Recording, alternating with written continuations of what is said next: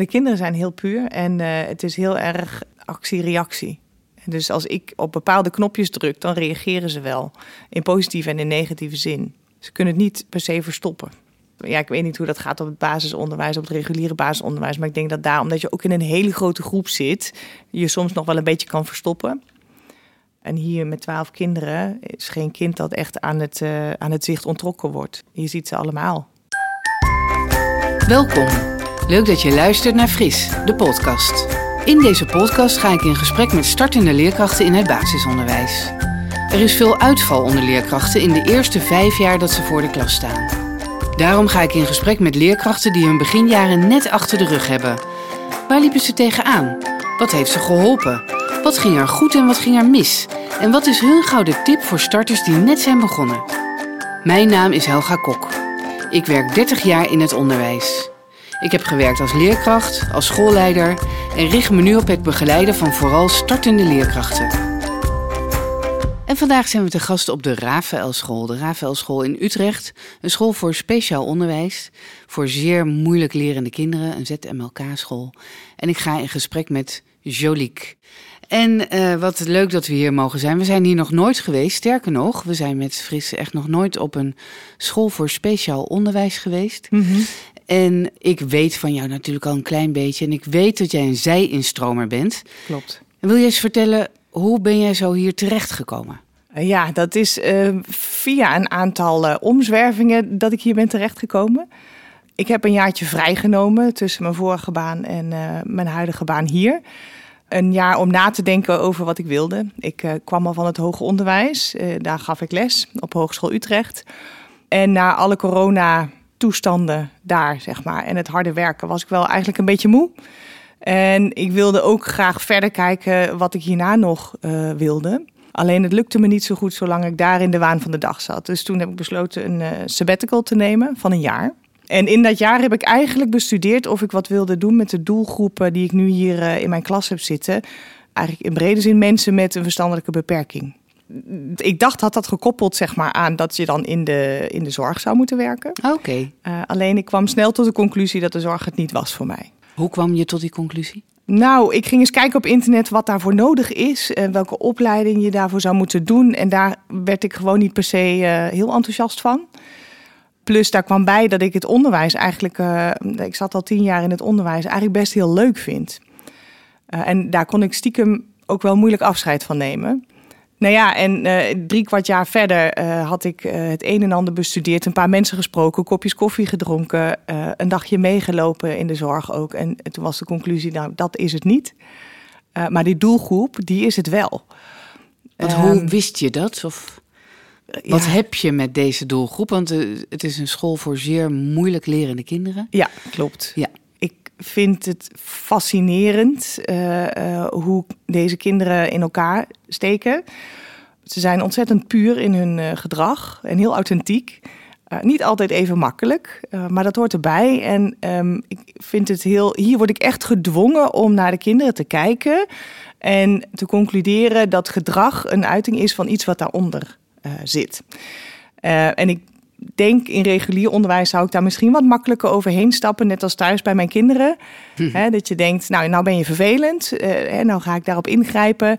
En uh, hier in de klas probeer ik altijd te zoeken naar wat zit hier nou achter? Waarom uh, ben je nu even helemaal van slag? Of waarom doe je zo boos? Of waarom, nou ja, vul maar in. En dat vond je fascinerend al? Ja, dat vind ik wel fascinerend, ja.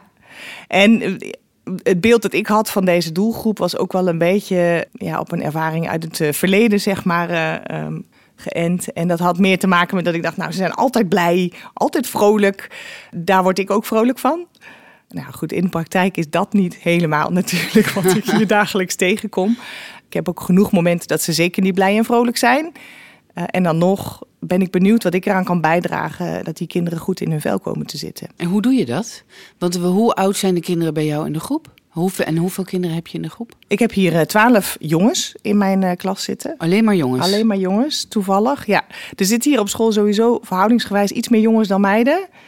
Twaalf jongens in de leeftijd van, nou, acht, negen. Er worden er volgens mij ook al wat tien uh, dit jaar.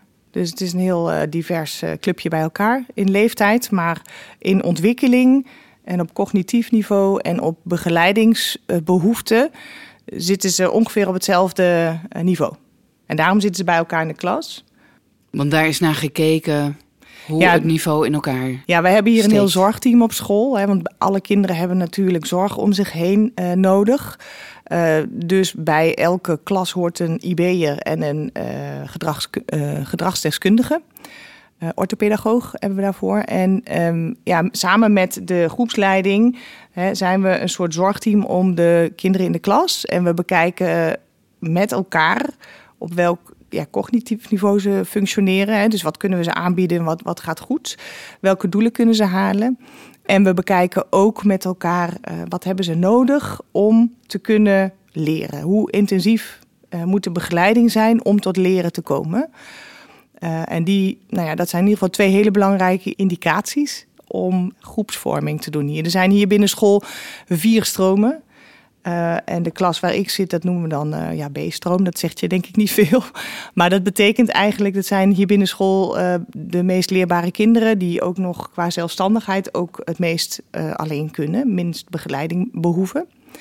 En alle andere niveaus hebben alweer iets meer begeleiding... of een iets lager cognitief niveau. En dus daar wordt op gedifferentieerd. Daar en dan zitten er misschien ook minder kinderen in de groep, of niet? Ja. Ja. Er zijn hier uh, ook uh, de, de C- en D-groepen. Die zijn uh, kleiner. Dat zijn, um, ja, vroeger noemden ze dat speciale leerstroom. Maar eigenlijk, ja, dat zijn kleinere groepen. Die hebben een hogere, de kinderen hebben een hogere begeleidingsbehoefte. Daar zitten dus meer, verhoudingsgewijs meer leerkrachten op de kinderen. Want er zijn maximaal acht kinderen in zo'n klas. Met altijd, hier heb je altijd een leerkracht en een um, klasondersteuner een onderwijsassistent, zeg maar. Ja. Um, dus het scheelt nogal of je met acht of met twaalf in de klas zit. En deze klas kan gewoon, uh, mijn klas, zeg maar, kan best heel goed uh, alleen werken, uh, zelfstandig dingen doen. De een wat beter dan de andere. Dat zijn niet allemaal gelijk hier. Maar klassen verderop in de gang toevallig zitten daar vier klassen met waar dus maar acht kinderen in de klas zitten.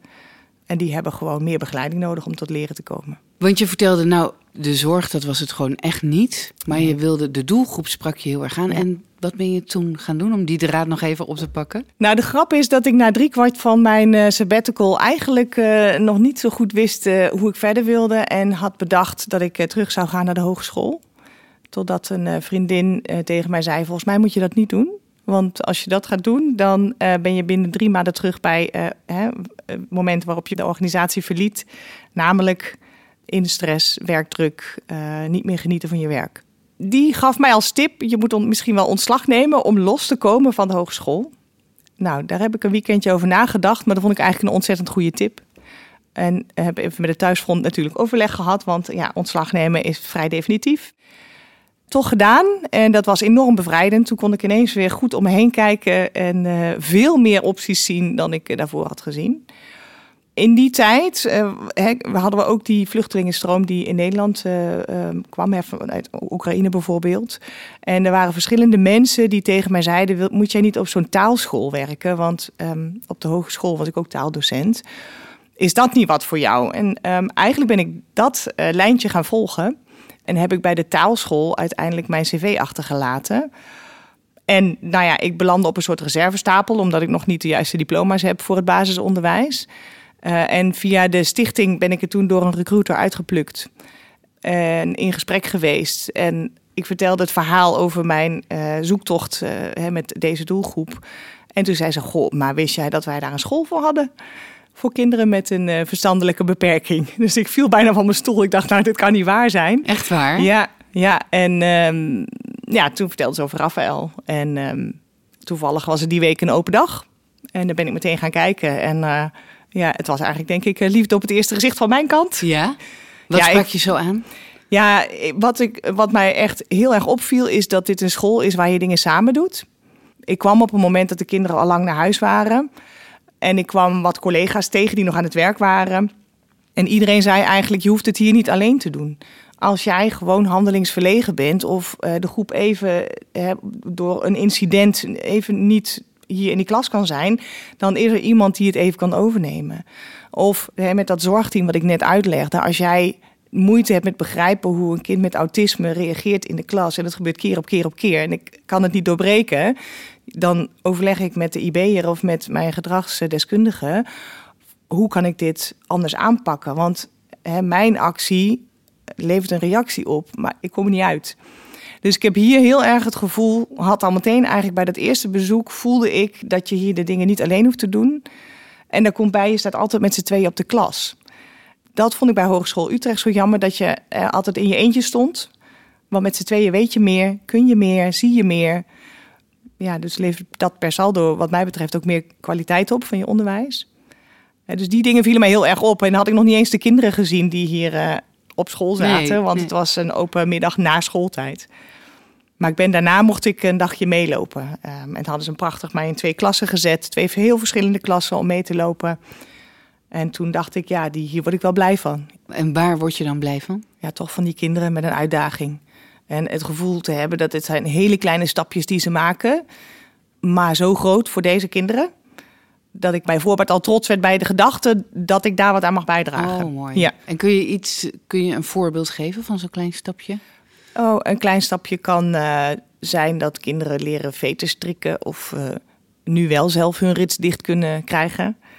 Nou, een voorbeeld uit mijn eigen klas, en dan heb ik nog hè, een redelijk leerbare groep binnen school, is dat ik in het kader van weegonderwijs, hè, met rekenen, dat kinderen beter begrijpen wat zwaar en licht is. En het is ook een heel klein stapje binnen dat wegen. En daar denken we niet over na, maar snappen dat zwaardere objecten zakken en uh, lichtere objecten omhoog gaan, of minder zakken.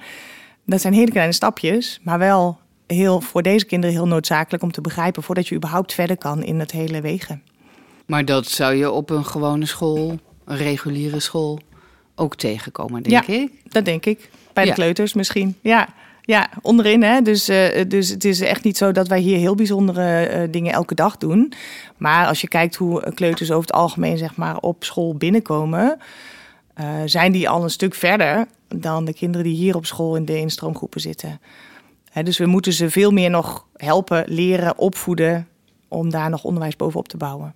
En toen heb je een opleiding gedaan, natuurlijk, lijkt me. Toen je nadat je hier twee dagen had meegelopen, toen oh ja. dacht je van, uh, yes, dit gaat het worden. En hoe zag dat er verder uit?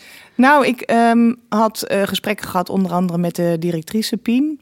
En ja, leuk dat je diploma's hebt voor het HBO, maar je hebt, uh, daar kan je niet mee hier terecht. Heb toen ook meteen wel aangegeven dat ik, als ik het leuk genoeg vind, best zou willen zij instromen. Maar ook nog wel even daar de ruimte voor gehouden om daar niet zo meteen vol in te stappen. Omdat ik eigenlijk ook wel eerst wilde proeven of dat wat ik dacht ook klopte bij deze, uh, bij deze rol, bij deze school. Dus ik ben eerst eigenlijk gewoon maar eens een half jaar uh, als um, onderwijsassistent hier begonnen. Want ja, ik had geen papieren als uh, leerkracht. en ik had ook al vrij snel door van nou een half jaar is niks. Om het echt goed te voelen maak ik het liefst gewoon zo'n heel schooljaar vol van begin tot eind. En, dat ik daarna zeg maar pas in dat zij instromen stap. En dat is eigenlijk ook wat ik heb gedaan. Ik heb gewoon één jaar hier vier dagen gewerkt als uh, onderwijsassistent. In twee klassen, hier ook op de gang, uh, die groepen van acht zeg maar. En heb eind vorig jaar, van, eind van schooljaar, heb ik uh, mijn geschiktheidsonderzoek gedaan voor de zijinstroom. En dan begin ik dus nu dit jaar met okay. studeren. Ja, studeren mag ja. ik het misschien niet helemaal noemen, maar zo voelt het Waarom wel. niet? Uh, het is heel erg gericht op de praktijk. Dus het, ja. is, het is heel erg doen. Veel lezen, geïnspireerd worden, uitproberen in de praktijk. En um, het voelt niet als studeren. Ik zit niet te blokken. Ik moet wel twee toetsen doen. Um, maar het is vooral lezen, geïnspireerd worden en dingen uitproberen in de praktijk. Dus het voelt niet helemaal als studeren. Voelt als geïnspireerd worden. Maar dat is precies wat je wilde ook. Eigenlijk wel, ja. Ja. ja. Dus je bent eigenlijk als een vis in het water. Ik voel me heel lekker, ja. Ja? ja, ik ben heel blij met, uh, met de overstap. En uh, ja, het is nogal een verschil, hè, die Hogeschool Utrecht of dit. Wat is het verschil? Nou ja, de doelgroep natuurlijk. De, van, van super zelfredzaam en veel kunnen en uh, veel vragen van mensen naar stapjes terug. Klein denken, met kleine dingen blij zijn. Goed kijken ook naar gedrag en naar, naar de mensen zelf. Dus je kijkt toch nog meer naar uh, je doelgroep dan bij de hogeschool. Ja, want dat kun je natuurlijk met elkaar vergelijken. Maar je, nou ja, je hebt zelf kinderen, dus je, kunt een, je hebt een beetje een idee dan hoe het er in het regulier onderwijs aan toe gaat, ja, klopt. Uh, neem ik ja. aan. Wat zijn de verschillen vooral? Je had het al over gedrag. Want ik vraag me ook af, hoe leer je dat dan? Want je, het is inderdaad, het ontploft misschien iets sneller. Hier gedrag. in de klas? Ja? Jazeker. Dat ja. hoorde ik al vertellen. Ja. En hoe leer je dat dan? Of hoe word je daar kundig in? Wat heb je gedaan daarvoor? Ehm, eh, heel erg gewoon kijken wat er gebeurt. Ik heb vorig jaar geen speciale cursus of wat gedaan, maar gewoon over me heen laten komen. En veel praten met collega's die hier al jaren werken. Kijk, ik, ik wil van alles weten over autisme, over eh, Down-syndroom, over nou ja, alle, alle syndromen die er überhaupt zijn. Hè? Maar ik kan niet alles in één keer leren. Dus ik moet nu eerst maar eens even aan de basis werken. En dan stapel ik daar straks eh, nog meer kennis bovenop, wat mij betreft. Nee, ik heb in de vakantie wat boeken gelezen over autisme. en daarmee ben ik toen eh, eh, vorig jaar gewoon maar eens begonnen. Kijken, Ja. gewoon kijken, zien wat er gebeurt. Kijken wat andere mensen in reactie daarop doen, wat werkt. Hier op school doen wij ook PBS. Ik weet niet of je daar ooit van hebt gehoord. Eh, Positive Behavior Support volgens mij. En dat betekent dat je eigenlijk heel erg probeert te sturen op eh, goed gedrag. En dat je daar ehm, nou ja, niet op complimenteert, maar ook eh, afspraken over maakt. Over gedrag dat je graag wilt zien. En als het niet goed gaat, dat je met kinderen in gesprek gaat over... Hey, wat was eigenlijk de regel? En wat gebeurde er nu? En kunnen we weer terug naar die regel?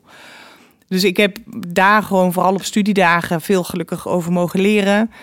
En voor de rest ook maar gewoon in de diepe gesprongen. Ja, en je leert dus ook van elkaar en met elkaar, Zeker. blijkbaar. Ja. En het, het eerste idee toen jij hier binnenkwam en dat je gelijk zei van... nou, je hoeft het niet alleen te doen wat mensen tegen je zeiden. Dat klopt dus ook dat echt. klopt, heel erg. Ja. ja, en mensen waren ook toen ik vorig jaar zeg maar begon ook best wel op bedacht dat dit voor mij allemaal nieuw was. Ik zat toen ook echt in een groep waar gedrag echt een hele sterke component was. En kinderen die op de gang gaan liggen, die, die, die boos zijn of die de klas niet meer, eh, die gewoon niet meer bewegen of niet, niet meewerken. Nou, dat vond ik best pittig. Eh, ook nog kinderen die luiers eh, droegen, dus moest je luiers verschonen. Ik dacht, wow, waar ben ik nou in beland?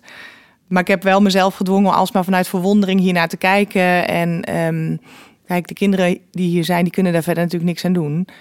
Dus toch vanuit eh, positieve verwondering door. Maar Proberen het frustreert mogelijk- je niet. Nee, nog niet.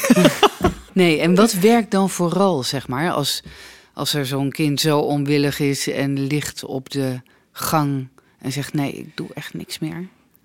Wat heb je Ja, geleerd? nou, je hebt een beetje natuurlijk overwicht nodig. En dat, dat die eerste maanden had ik dat natuurlijk niet. Want ik, ik kwam hier kijken en ik dacht, waar ben ik nu in beland? Ehm, en hoe werkt dit? Eh, totdat je met elkaar genoeg weken hebt gebouwd aan, eh, aan de verstandhouding. Eh, en de kinderen je beter gaan accepteren. En op dat moment kun je, kun je zo, eh, luisteren ze gewoon ook beter naar je. En dat heeft denk ik alles te maken met ze gaan je toch echt in het begin, en, en dat zal op het regulier niet anders zijn. Ze gaan je testen op eh, doe je wat je zegt en zeg je wat je doet. Hou je woord. En dat kun je natuurlijk op verschillende manieren doen, maar je moet hier echt ook je stem en je mimiek, je hele houding moet mee in de communicatie. Nog meer denk ik dan op een reguliere basisschool. Want daar lezen ze aan af of jij het meent of niet. Ja, of je betrouwbaar bent Of je en betrouwbaar veilig. bent, veilig en consequent. Ja. Eh, en dus nee is dus echt nee bij deze, oké, deze leerkracht. En in het begin zat ik daar nog niet zo heel eh, lekker in. Dan zeg je de ene keer nee en de andere keer denk je... ja, hij heeft vorige keer niet geluisterd bij nee. Dan moet ik even denken hoe ik dat nu doe. Ehm, dus je bedenkt, bedenkt weer helemaal opnieuw... waar liggen die grenzen voor mij Eh, en hoe ga ik daarmee om? En dat herken ik wel ook uit het eerste stukje dat ik bij de hogeschool werkte. Dat ik ook in zo'n klas stond en dat ik dacht, ja, ik weet eigenlijk niet zo goed waar mijn grenzen liggen. Eh, Wanneer vind ik het nog goed als ze aan het kletsen zijn, wanneer niet meer. En dat je zo'n duiveltje en een engeltje op je schouder hebt. Die zegt, die, eh, de ene zegt, nee, laat maar gaan, Joost, niet zo heel erg. En de ander zegt, je moet nu de lijntjes kort houden, want anders luisteren ze straks nooit meer naar je. Dus, maar dat hele, die interne dialoog had ik hier eh, opnieuw. En nu ben ik anderhalf jaar verder en weet ik veel beter waar ik al grenzen moet gaan aangeven. En schuif ik ook niet meer zo makkelijk daarin. Ik denk dan, eh, je hebt nu duidelijkheid nodig, je hebt nu grenzen nodig. Dan gaan we die geven. Is misschien even niet leuk, maar eh, uiteindelijk hebben we daar allemaal eh, baat bij. En dat ik hier gewoon consequent hetzelfde doe. Het is heel mooi wat je zegt van hè, dat, dat is echt zo'n gouden regel van doe wat je zegt en zeg wat je doet. Ja. En dan zeg ik altijd tegen startende leerkrachten, maak het jezelf ook niet te moeilijk in het begin. Want als jij zegt, ja, als jij niet meer dan, dan moet je daar ook echt aan houden. Mhm. Ja. En zodra dat misgaat, dan ben je inderdaad verloren. En hier kan me voorstellen dat kinderen nog gevoeliger daarvoor zijn. Ja, en er is hier ook wel, en dat zit ook bij dat, dat PBS, hè, bij Positive Behavior Support, dat je ook je kan tegen een kind zeggen, als een kind vervelend doet, kun je zeggen, ehm, je moet nu stoppen. Ehm, maar eigenlijk hebben ze hier het liefste dat, ze, dat je twee opties aanbiedt. Uh, je zegt, nou, of je bent nu stil en je luistert netjes net zoals de rest, of ik ga jou even op de gang zetten. En het liefst nog andersom, hè? dus dat de, de, de optie die ze moeten kiezen, dat je die als tweede noemt, want dat onthouden ze het beste. Dus dan moet je eigenlijk zeggen, of ik zet jou nu even op de gang, of je luistert netjes zoals de rest stilletjes mee zodat het kind de juiste keuze kan maken. En dat hoop je dus dat het doet. En als het dat niet doet, dan moet je ook meteen je consequentie uitvoeren. En zeggen, oké, dan gaan we nu naar de gang. Dat gebeurt niet de eerste keer. Wel, als ik twee keer heb gezegd, kan je stil zijn? Dan op een gegeven moment komt het wel. De, de keuze, kies het goede gedrag of, uh, of, of je moet even op de gang. En daar moet je denk ik vrij consequent in zijn. Bij sommige kinderen strakker dan bij anderen. Want sommige kinderen zijn ook heel makkelijk in het aansturen. Dan zeg ik gewoon, oh, wil je dat niet doen? En die zeggen dan oké. Okay. Ja. er zijn er ook een paar die doen net of ze je niet horen. En ja, dan moet je toch echt heel strak in de leer zijn, denk ik. Ja, duidelijk. Ja. Denk ik. Ik, zeg, ik denk altijd van, eh, als je gewoon heel duidelijk bent, dan hoef je niet streng te zijn. Klopt. Ja. ja, mooi. Dus jij gaat, ik hoor, nou, jij gaat niet meer terug naar het regulier onderwijs, denk ik. Of terug, daar was je helemaal Nee, dat was niet. ik niet. Nee, dat was nee, ik niet. maar er is niet iets in jou wat denkt van, nou ga ik toch ook eens proberen, of wel? Ik sluit eigenlijk nu niks uit. Ik eh, ben echt wel hier begonnen omdat ik dat echt heel graag wilde. Ik heb ook heel duidelijk de keuze gemaakt dat ik voor deze school wilde gaan zij instromen. dus in die zin uh, heb ik geen, geen directe plannen. Maar ik moet eerlijk zeggen, met de zijinstroom, hè, ik heb dus eens uh, per week op, op woensdagavond heb ik, heb die, die avond les. En dan komt er natuurlijk heel veel langs over het regulier onderwijs. Eigenlijk is dat vooral gericht op regulier onderwijs. En ik krijg heel veel aangereikt waar ik door geïnspireerd raak. en ik kan er maar een heel klein beetje van gebruiken hier op school. Uh, net als mijn collega's in de klas die kleuters hebben bijvoorbeeld, die kunnen maar een klein stukje gebruiken van wat wij allemaal voorgeschoteld aan opties en aan mogelijkheden krijgen. Dan zijn er wel momenten dat ik denk, oh, misschien moet ik toch ooit nog die overstap maken naar regulier, want dan kan ik, dan kan ik nog meer. Of, uh, maar voor dit moment kriebelt dat niet. En in de opleiding uh, ga je, is het dan zo dat je je later nog gaat specialiseren in speciaal onderwijs? Nu? Of bedoel niet? je met de zijinstroom? Ja, bij Nee. je zijinstroom helemaal niet. Nee. Nee. Nee, de, het zit, ik doe zijinstroom bij de Marnix Academie.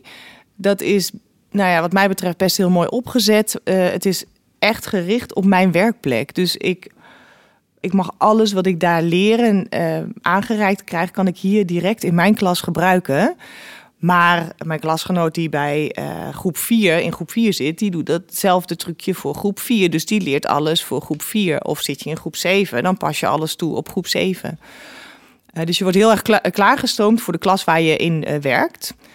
dus ze hebben een hele set aan bekwaamheidseisen waar ik aan moet gaan voldoen om mijn lesbevoegdheid te halen. En die zijn, een aantal daarvan zijn gekoppeld aan de module. Vorig blok hadden we bijvoorbeeld de module rekenen, rekenwiskundeonderwijs. Um, en dan hebben ze een setje van vijf bekwaamheidseisen waarop ik moet laten zien dat ik mij ontwikkeld heb. Dat noemen ze je onderzoeksopdracht. Dus ik moet dan voor een eis bijvoorbeeld de kandidaat weten leerlijnen van het rekenwiskundeonderwijs. Moet ik gaan onderzoeken hoe dat zit? Wat moet ik nog weten voor deze kinderen om te kunnen zeggen, ja, die bekwaamheidseis die heb ik mezelf eigen gemaakt. Nou, dat betekende voor mij dus dat ik concreet op zoek kon naar de leerlijnen voor ZML-onderwijs. Dus ik hoef niet alles uit te zoeken van hoe zit het voor het hele onderwijs van groep 1 tot en met 8. Nee, ik mag mij richten op mijn ZML-kinderen en mag kijken hoe de leerlijnen voor rekenwiskundeonderwijs voor mijn kinderen eruit zien. Uh, en dat maakt het voor mij, hè, wat ik straks al zei, ik voel, voel het niet echt als studeren. Het is gewoon super praktisch en super nuttig ja. voor mij uh, om dingen uit te zoeken. Uh, maar dan een beetje met behulp van school uh, ja. duwtjes de juiste richting in te krijgen. Ja, precies. Wat je gewoon gelijk kunt gaan toepassen. Ja. Ja, dus ik krijg niks eigenlijk. Ik krijg heel veel aangereikt over het regulier onderwijs. Maar ik, ik kijk bij alles, wat kan ik hier gebruiken in mijn klas? Dus ik word in brede zin geïnspireerd en ik gebruik wat ik nodig heb voor mijn klas. En ja, ik kan straks werken, ook in het regulier onderwijs. Dus dat is wel uh, grappig. Maar net als elke docent die jarenlang op groep 4 heeft gewerkt en dan overstapt naar groep 6, die zal ook net zo goed als ik alles opnieuw moeten gaan uitzoeken. Een vriendin van mij zei dat ook. Ja, maar Joliek, ik werk jarenlang al in groep 4. Wat denk je dat er gebeurt als ze mij op groep 7 zetten? Dan moet ik ook alles opnieuw leren. En toen dacht ik, oh ja, maar dan heb ik nu in ieder geval de handvatten aangereikt gekregen om te weten wat ik moet doen als ik naar een andere groep ga of een andere school. Dus dat vertrouwen heb ik wel. Nou, en je wordt hier denk ik inderdaad uitgedaagd om eh, hè, dat natuurlijke gezag en dat wat je nodig hebt hè, om de orde in orde te houden, zeg maar. Daar word je hier natuurlijk heel erg uitgedaagd. Dat kun je natuurlijk, zou je in het basisonderwijs ook heel goed kunnen gebruiken. Want dat is Zeker. natuurlijk altijd een uitdaging Ja, in het begin. klopt. Nou, mooi. Dankjewel. Ik zou graag nog, maar ja, dat is lastig, een kijkje in de groep willen eh, krijgen. Zo van, oh, wat is nou heel specifiek voor het speciaal onderwijs? Hè? Jij zegt ook van, ja, ik, werd, ik vond het gelijk zo hartverwarmend. Ja. Maar dat is, eh, Ja, je bent welkom, je mag best een keer komen kijken. ja, leuk. Ja, Ja hoor. want het is inderdaad, kinderen zijn heel puur, hè? De kinderen zijn heel puur en eh, het is heel erg actie-reactie. Dus als ik op bepaalde knopjes druk, dan reageren ze wel. In positieve en in negatieve zin. Ze kunnen het niet per se verstoppen. Ik denk dat dat, ja, ik weet niet hoe dat gaat op het basisonderwijs, op het reguliere basisonderwijs. Maar ik denk dat daar, omdat je ook in een hele grote groep zit, je soms nog wel een beetje kan verstoppen. En hier met twaalf kinderen is geen kind dat echt aan het, eh, aan het zicht ontrokken wordt. Nee. Je ziet ze allemaal, als het goed is. Nou, ja. dat zou je eigenlijk alle kinderen toewensen. Zeker. Toch? Dat ze Ja, ook op gezien regulier. worden. Ja, Ja, absoluut. mooi. Dankjewel. Jij hebt een paar boeken eh, meegenomen. Of ik zie twee boeken liggen. Ja, Zou je er eentje als tip willen geven? Ja, ik heb ehm, naast mij liggen een boek van eh, Bibi Dumontac. Vanuit eh, mijn opleiding, ik heb een docent, nu volg ik het blok eh, taal. En zij brengt wekelijks allemaal boeken mee. Oh, heerlijk. Ehm, de hele tafel staat vol en daar mogen we met z'n allen lekker in grasduinen. En ze heeft ehm, een, een onuitputtelijke bron van inspiratie, vind ik haar. Ehm, zij heeft, eh, had dit boek bij zich en toevallig was dat een boek dat ik pakte. En eh, waar zij ook zelf een stukje uit voorlas. Het heet eh, Bibi's doodgewone dierenboek. De schrijfster weet nogal veel van dieren. en die heeft een boek gemaakt met nou ja, allemaal doodgewone dieren. Waarvan we eigenlijk normaal gesproken vanuit gaan dat ze er gewoon zijn, maar niet nooit echt over nadenken. En ze heeft over elk dier ongeveer één pagina tekst. En dat zijn weetjes, nou ja, soms weet je het wel. En aan de andere kant denk je, nou, hier, dat wist ik echt niet van dit dier. En het mooie aan dit boek voor mij en in deze klas is, het is kort. eh, want de aandachtspannen is hier niet altijd even lang. Dus het zijn korte verhalen. Het zijn teksten die voor deze kinderen denk ik net wat aan de moeilijke kant zijn. Maar ik wil ze wel graag een beetje uitdagen om niet in het eh, eenvoudige taal te blijven. Hè. Ze moeten natuurlijk zichzelf ook proberen te ontwikkelen. Dus ik eh, voor eh, de afgelopen weken voor een natuurlesje denk ik, nou, ik pak even een dier uit mijn boek. En dan lees ik de tekst voor. Pak wat plaatjes van het dier in eh, kwestie erbij op digibord. het gaat gewoon over een mier of een spin. Of een, Ik heb nu, morgen ben ik van plan iets te gaan lezen over de regenworm. En ik heb de egel hebben we gedaan en de vleermuis. Nou ja, van dat soort dieren staan erin. Ik pak wat plaatjes erbij, die laat ik erbij zien als ik het verhaal vertel. En dan kun je af en toe ook gewoon op het digibord kijken wat ik bedoel, wat er, wat er ver- verteld wordt. En vervolgens zoek ik een filmpje op van SchoolTV. Of eh, hè, morgen, ik heb een leuk filmpje van SchoolTV gevonden over de regenworm. Dus dat gaan we dan kijken. En dan lees ik daarna nog een keer die ene pagina. Het is maar één pagina uit het boek. Eh, En dan stel ik een vraag. Dan zeg ik altijd even goed opletten. Ik ga het nog één keer lezen en dan ga ik een vraag stellen. Kijken wie hem weet. Eh, om toch, in, in de hoop hè, dat ze gespitst gaan luisteren. En dat ze dus toch wat ja, rijkere taal aangeboden krijgen. Ja, dus ik hoop zo'n beetje dat het mes aan meerdere kanten snijdt. Ja. En dat ze dus ook wat over dieren leren. Nou ja, een Bibi's doodgewone dierenboek is, ja, het is heel vermakelijk om te lezen. Dus ehm, Ja, want zij heeft natuurlijk ontzettend veel humor. Dat Ja. zal je dan... En Ja. dat lukt blijkbaar ook in die kleine verhaaltjes. dat lukt ook wel in dit eh, paginaatje, zeker. Ja. Merken jouw kinderen, zijn ze daar gevoelig voor, voor humor? Jawel. bij jou in de groep? Jawel, ik ben wel een juf die grapjes maakt ook. Er zijn er ook wel een paar die dan zeggen... juf, jij bent heel grappig. Oh ja. Ja, ik En vind het- dat wel leuk om ook zo contact te maken met de kinderen. Of ze alles tussen de regels door uit dit boek snappen dat het grappig is, dat ja, ontgaat ze ook veel. Het is niet dat het dan heel erg ontregeld wordt allemaal. Nee. Met humor. Ja, nou weet je, de grap is wel, en dan zeg je zoiets. Ik, uh, op vrijdag werk ik samen met mijn uh, duo-leerkracht. en dan heb ik, neem ik iets meer de rol van die onderwijsassistent en dan kijk ik hoe zij het doet. En wat mij opvalt is dat zij op haar dagen dat er meer rust is in de groep. En dat de jongens ja, tussen aanhalingstekens braver zijn. En daar had ik, uh, heb ik wel over gesproken met haar. En ze is gewoon heel duidelijk. En ze legt ook alles gewoon heel duidelijk uit. Stap voor stap. En de jongens die gaan daar goed op, op uh, veel uitleg. En toen zat ik te overwegen. Denk, ja, wat zit er nou in mij? Dat het uh, bij mij gewoon wat rumoeriger is af en toe. Nou ja, sowieso kan ik van haar nog leren over duidelijk uitleggen. Maar ik ben ook, denk ik wel, de juf van de grapjes on, ondertussen. Zo af en toe is iets grappigs zeggen. En dat zorgt wel voor onrust. Als je gaat lachen, ja, dan krijgt dan de tent maar weer eens rustig. Dus ik denk dat dat ook wel een beetje bijdraagt aan de wat ja, rommeliger sfeer op de dagen dat ik er ben. Niet, het, is niet, uh, het is niet onhandelbaar hoor, maar het is wel anders als ik op vrijdag met mijn collega op de klas zit. Ja, ook leuk dat kinderen dat alle twee ervaren. En dat ja. de ene gedijt natuurlijk wat beter bij humor en de andere Ja. wat meer bij rust. Of Ja. bij... Nee, ik vind het ook zeker niet. eh, het, ja, maar het is grappig om te zien wat kan ik daar nog bovenop doen. Ja, maar ik, ik ben gewoon, ik, dat was ik op de hogeschool ook. Ik ben wel van de grapjes en het mag ook wel af en toe een beetje losjes zijn in de klas. En ik denk dat dat ook goed is voor, eh, voor kinderen. Dus eh, dankzij Bibi Dumont Tak Ja, lukt dat ook weer. Ja. Ook morgen over de regenworm. morgen over de regenworm. Ja. Leuk. Leuk. Ik heb ook een boek meegenomen. En ik denk dat het voor, de, voor jouw doelgroep te moeilijk is. Mhm. Maar ik heb het net zelf in één rukken uitgelezen. Het is van Anna Woltz. Het heet De Spin en de Sleutel. Ja. Haar nieuwste boek. En ik lees even de achterkant voor. Een bloedhete zomer. Elena moet een hele maand logeren bij het nieuwe gezin van haar tante, want niemand anders wil haar hebben. Vlak voordat ze aankomt, gooit ze haar telefoon weg en knipt ze haar lange haar af. Op de boerderij leert ze Atlas kennen.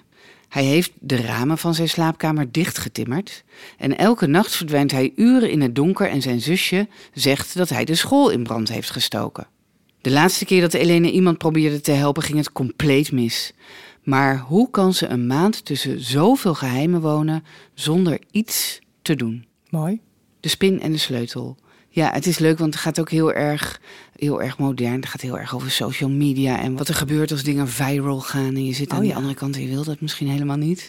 Dus dat vond ik heel grappig. Het is heel eh, leuk om dat van die kant weer te lezen. Ze heeft de Gouden Griffel gewonnen, Anna Woltz. Mhm. Ze heeft hele mooie boeken geschreven. De Tunnel en Alaska. En, maar eh, ik had ook nog een boek meegenomen van Marco Kunst. Want ik dacht, Marco Kunst, het is wel een heel mooi verhaal. Maar er zijn ook hele mooie eh, illustraties, Illustraties. van Jessica Verstegen. Oh, wauw. en ik kan me dan zo voorstellen dat dat voor Oh, jouw kinderen misschien mooi, wel ja, heel ja. inspirerend is. Ja. Ga ik toch ook nog even de achterkant voorlezen. Het heet Het touw en de waarheid. Met illustraties van Jessica Verstegen. Echt prachtig. En de achterkant zegt... Kira woont eenzaam op een eilandje in het zuiden... waar ze stoffen verft in duizend kleuren. Rondom strekt de zee zich blinkend uit. Ilan woont op een rotseiland in het noorden. Hij zoekt er de waarheid, net als de andere monniken. Rondom is er niets dan klippen en golven. Kira verlangt naar gezelschap en begrijpt dat ze moet vertrekken. En Ilan gelooft niet langer wat de monniken beweren. Hij vlucht naar open zee. Allebei gaan ze het onbekende tegemoet. En allebei dragen ze een geheim met zich mee. Het touw en de waarheid van Marco Kunst. Prachtig. Dankjewel voor dit gesprek, Joliek. Nou, ik vond het heel erg leuk. En wie weet Ik kom ook. ik inderdaad gewoon nog een keertje op bezoek als de kinderen er zijn. Ja, ik eh, hoor het wel. En heel veel succes met je vervolg. En eh, Dank je. nou, ik ben heel benieuwd hoe het je vergaat. En heel mooi dat je voor het onderwijs hebt gekozen. Ja, daar ben ik ook heel blij mee. Ja. Dankjewel. Ik vond het ook leuk. Dankjewel voor het luisteren naar Fris, de podcast. Deze podcast werd mede mogelijk gemaakt door PCOU Willibrord en Martijn Groeneveld van Mailman Studio. Vond je deze podcast leuk? Of heb je een vraag aan mij of een van de volgende leerkrachten? Laat het dan even weten in de comments hieronder. Dankjewel en tot de volgende keer.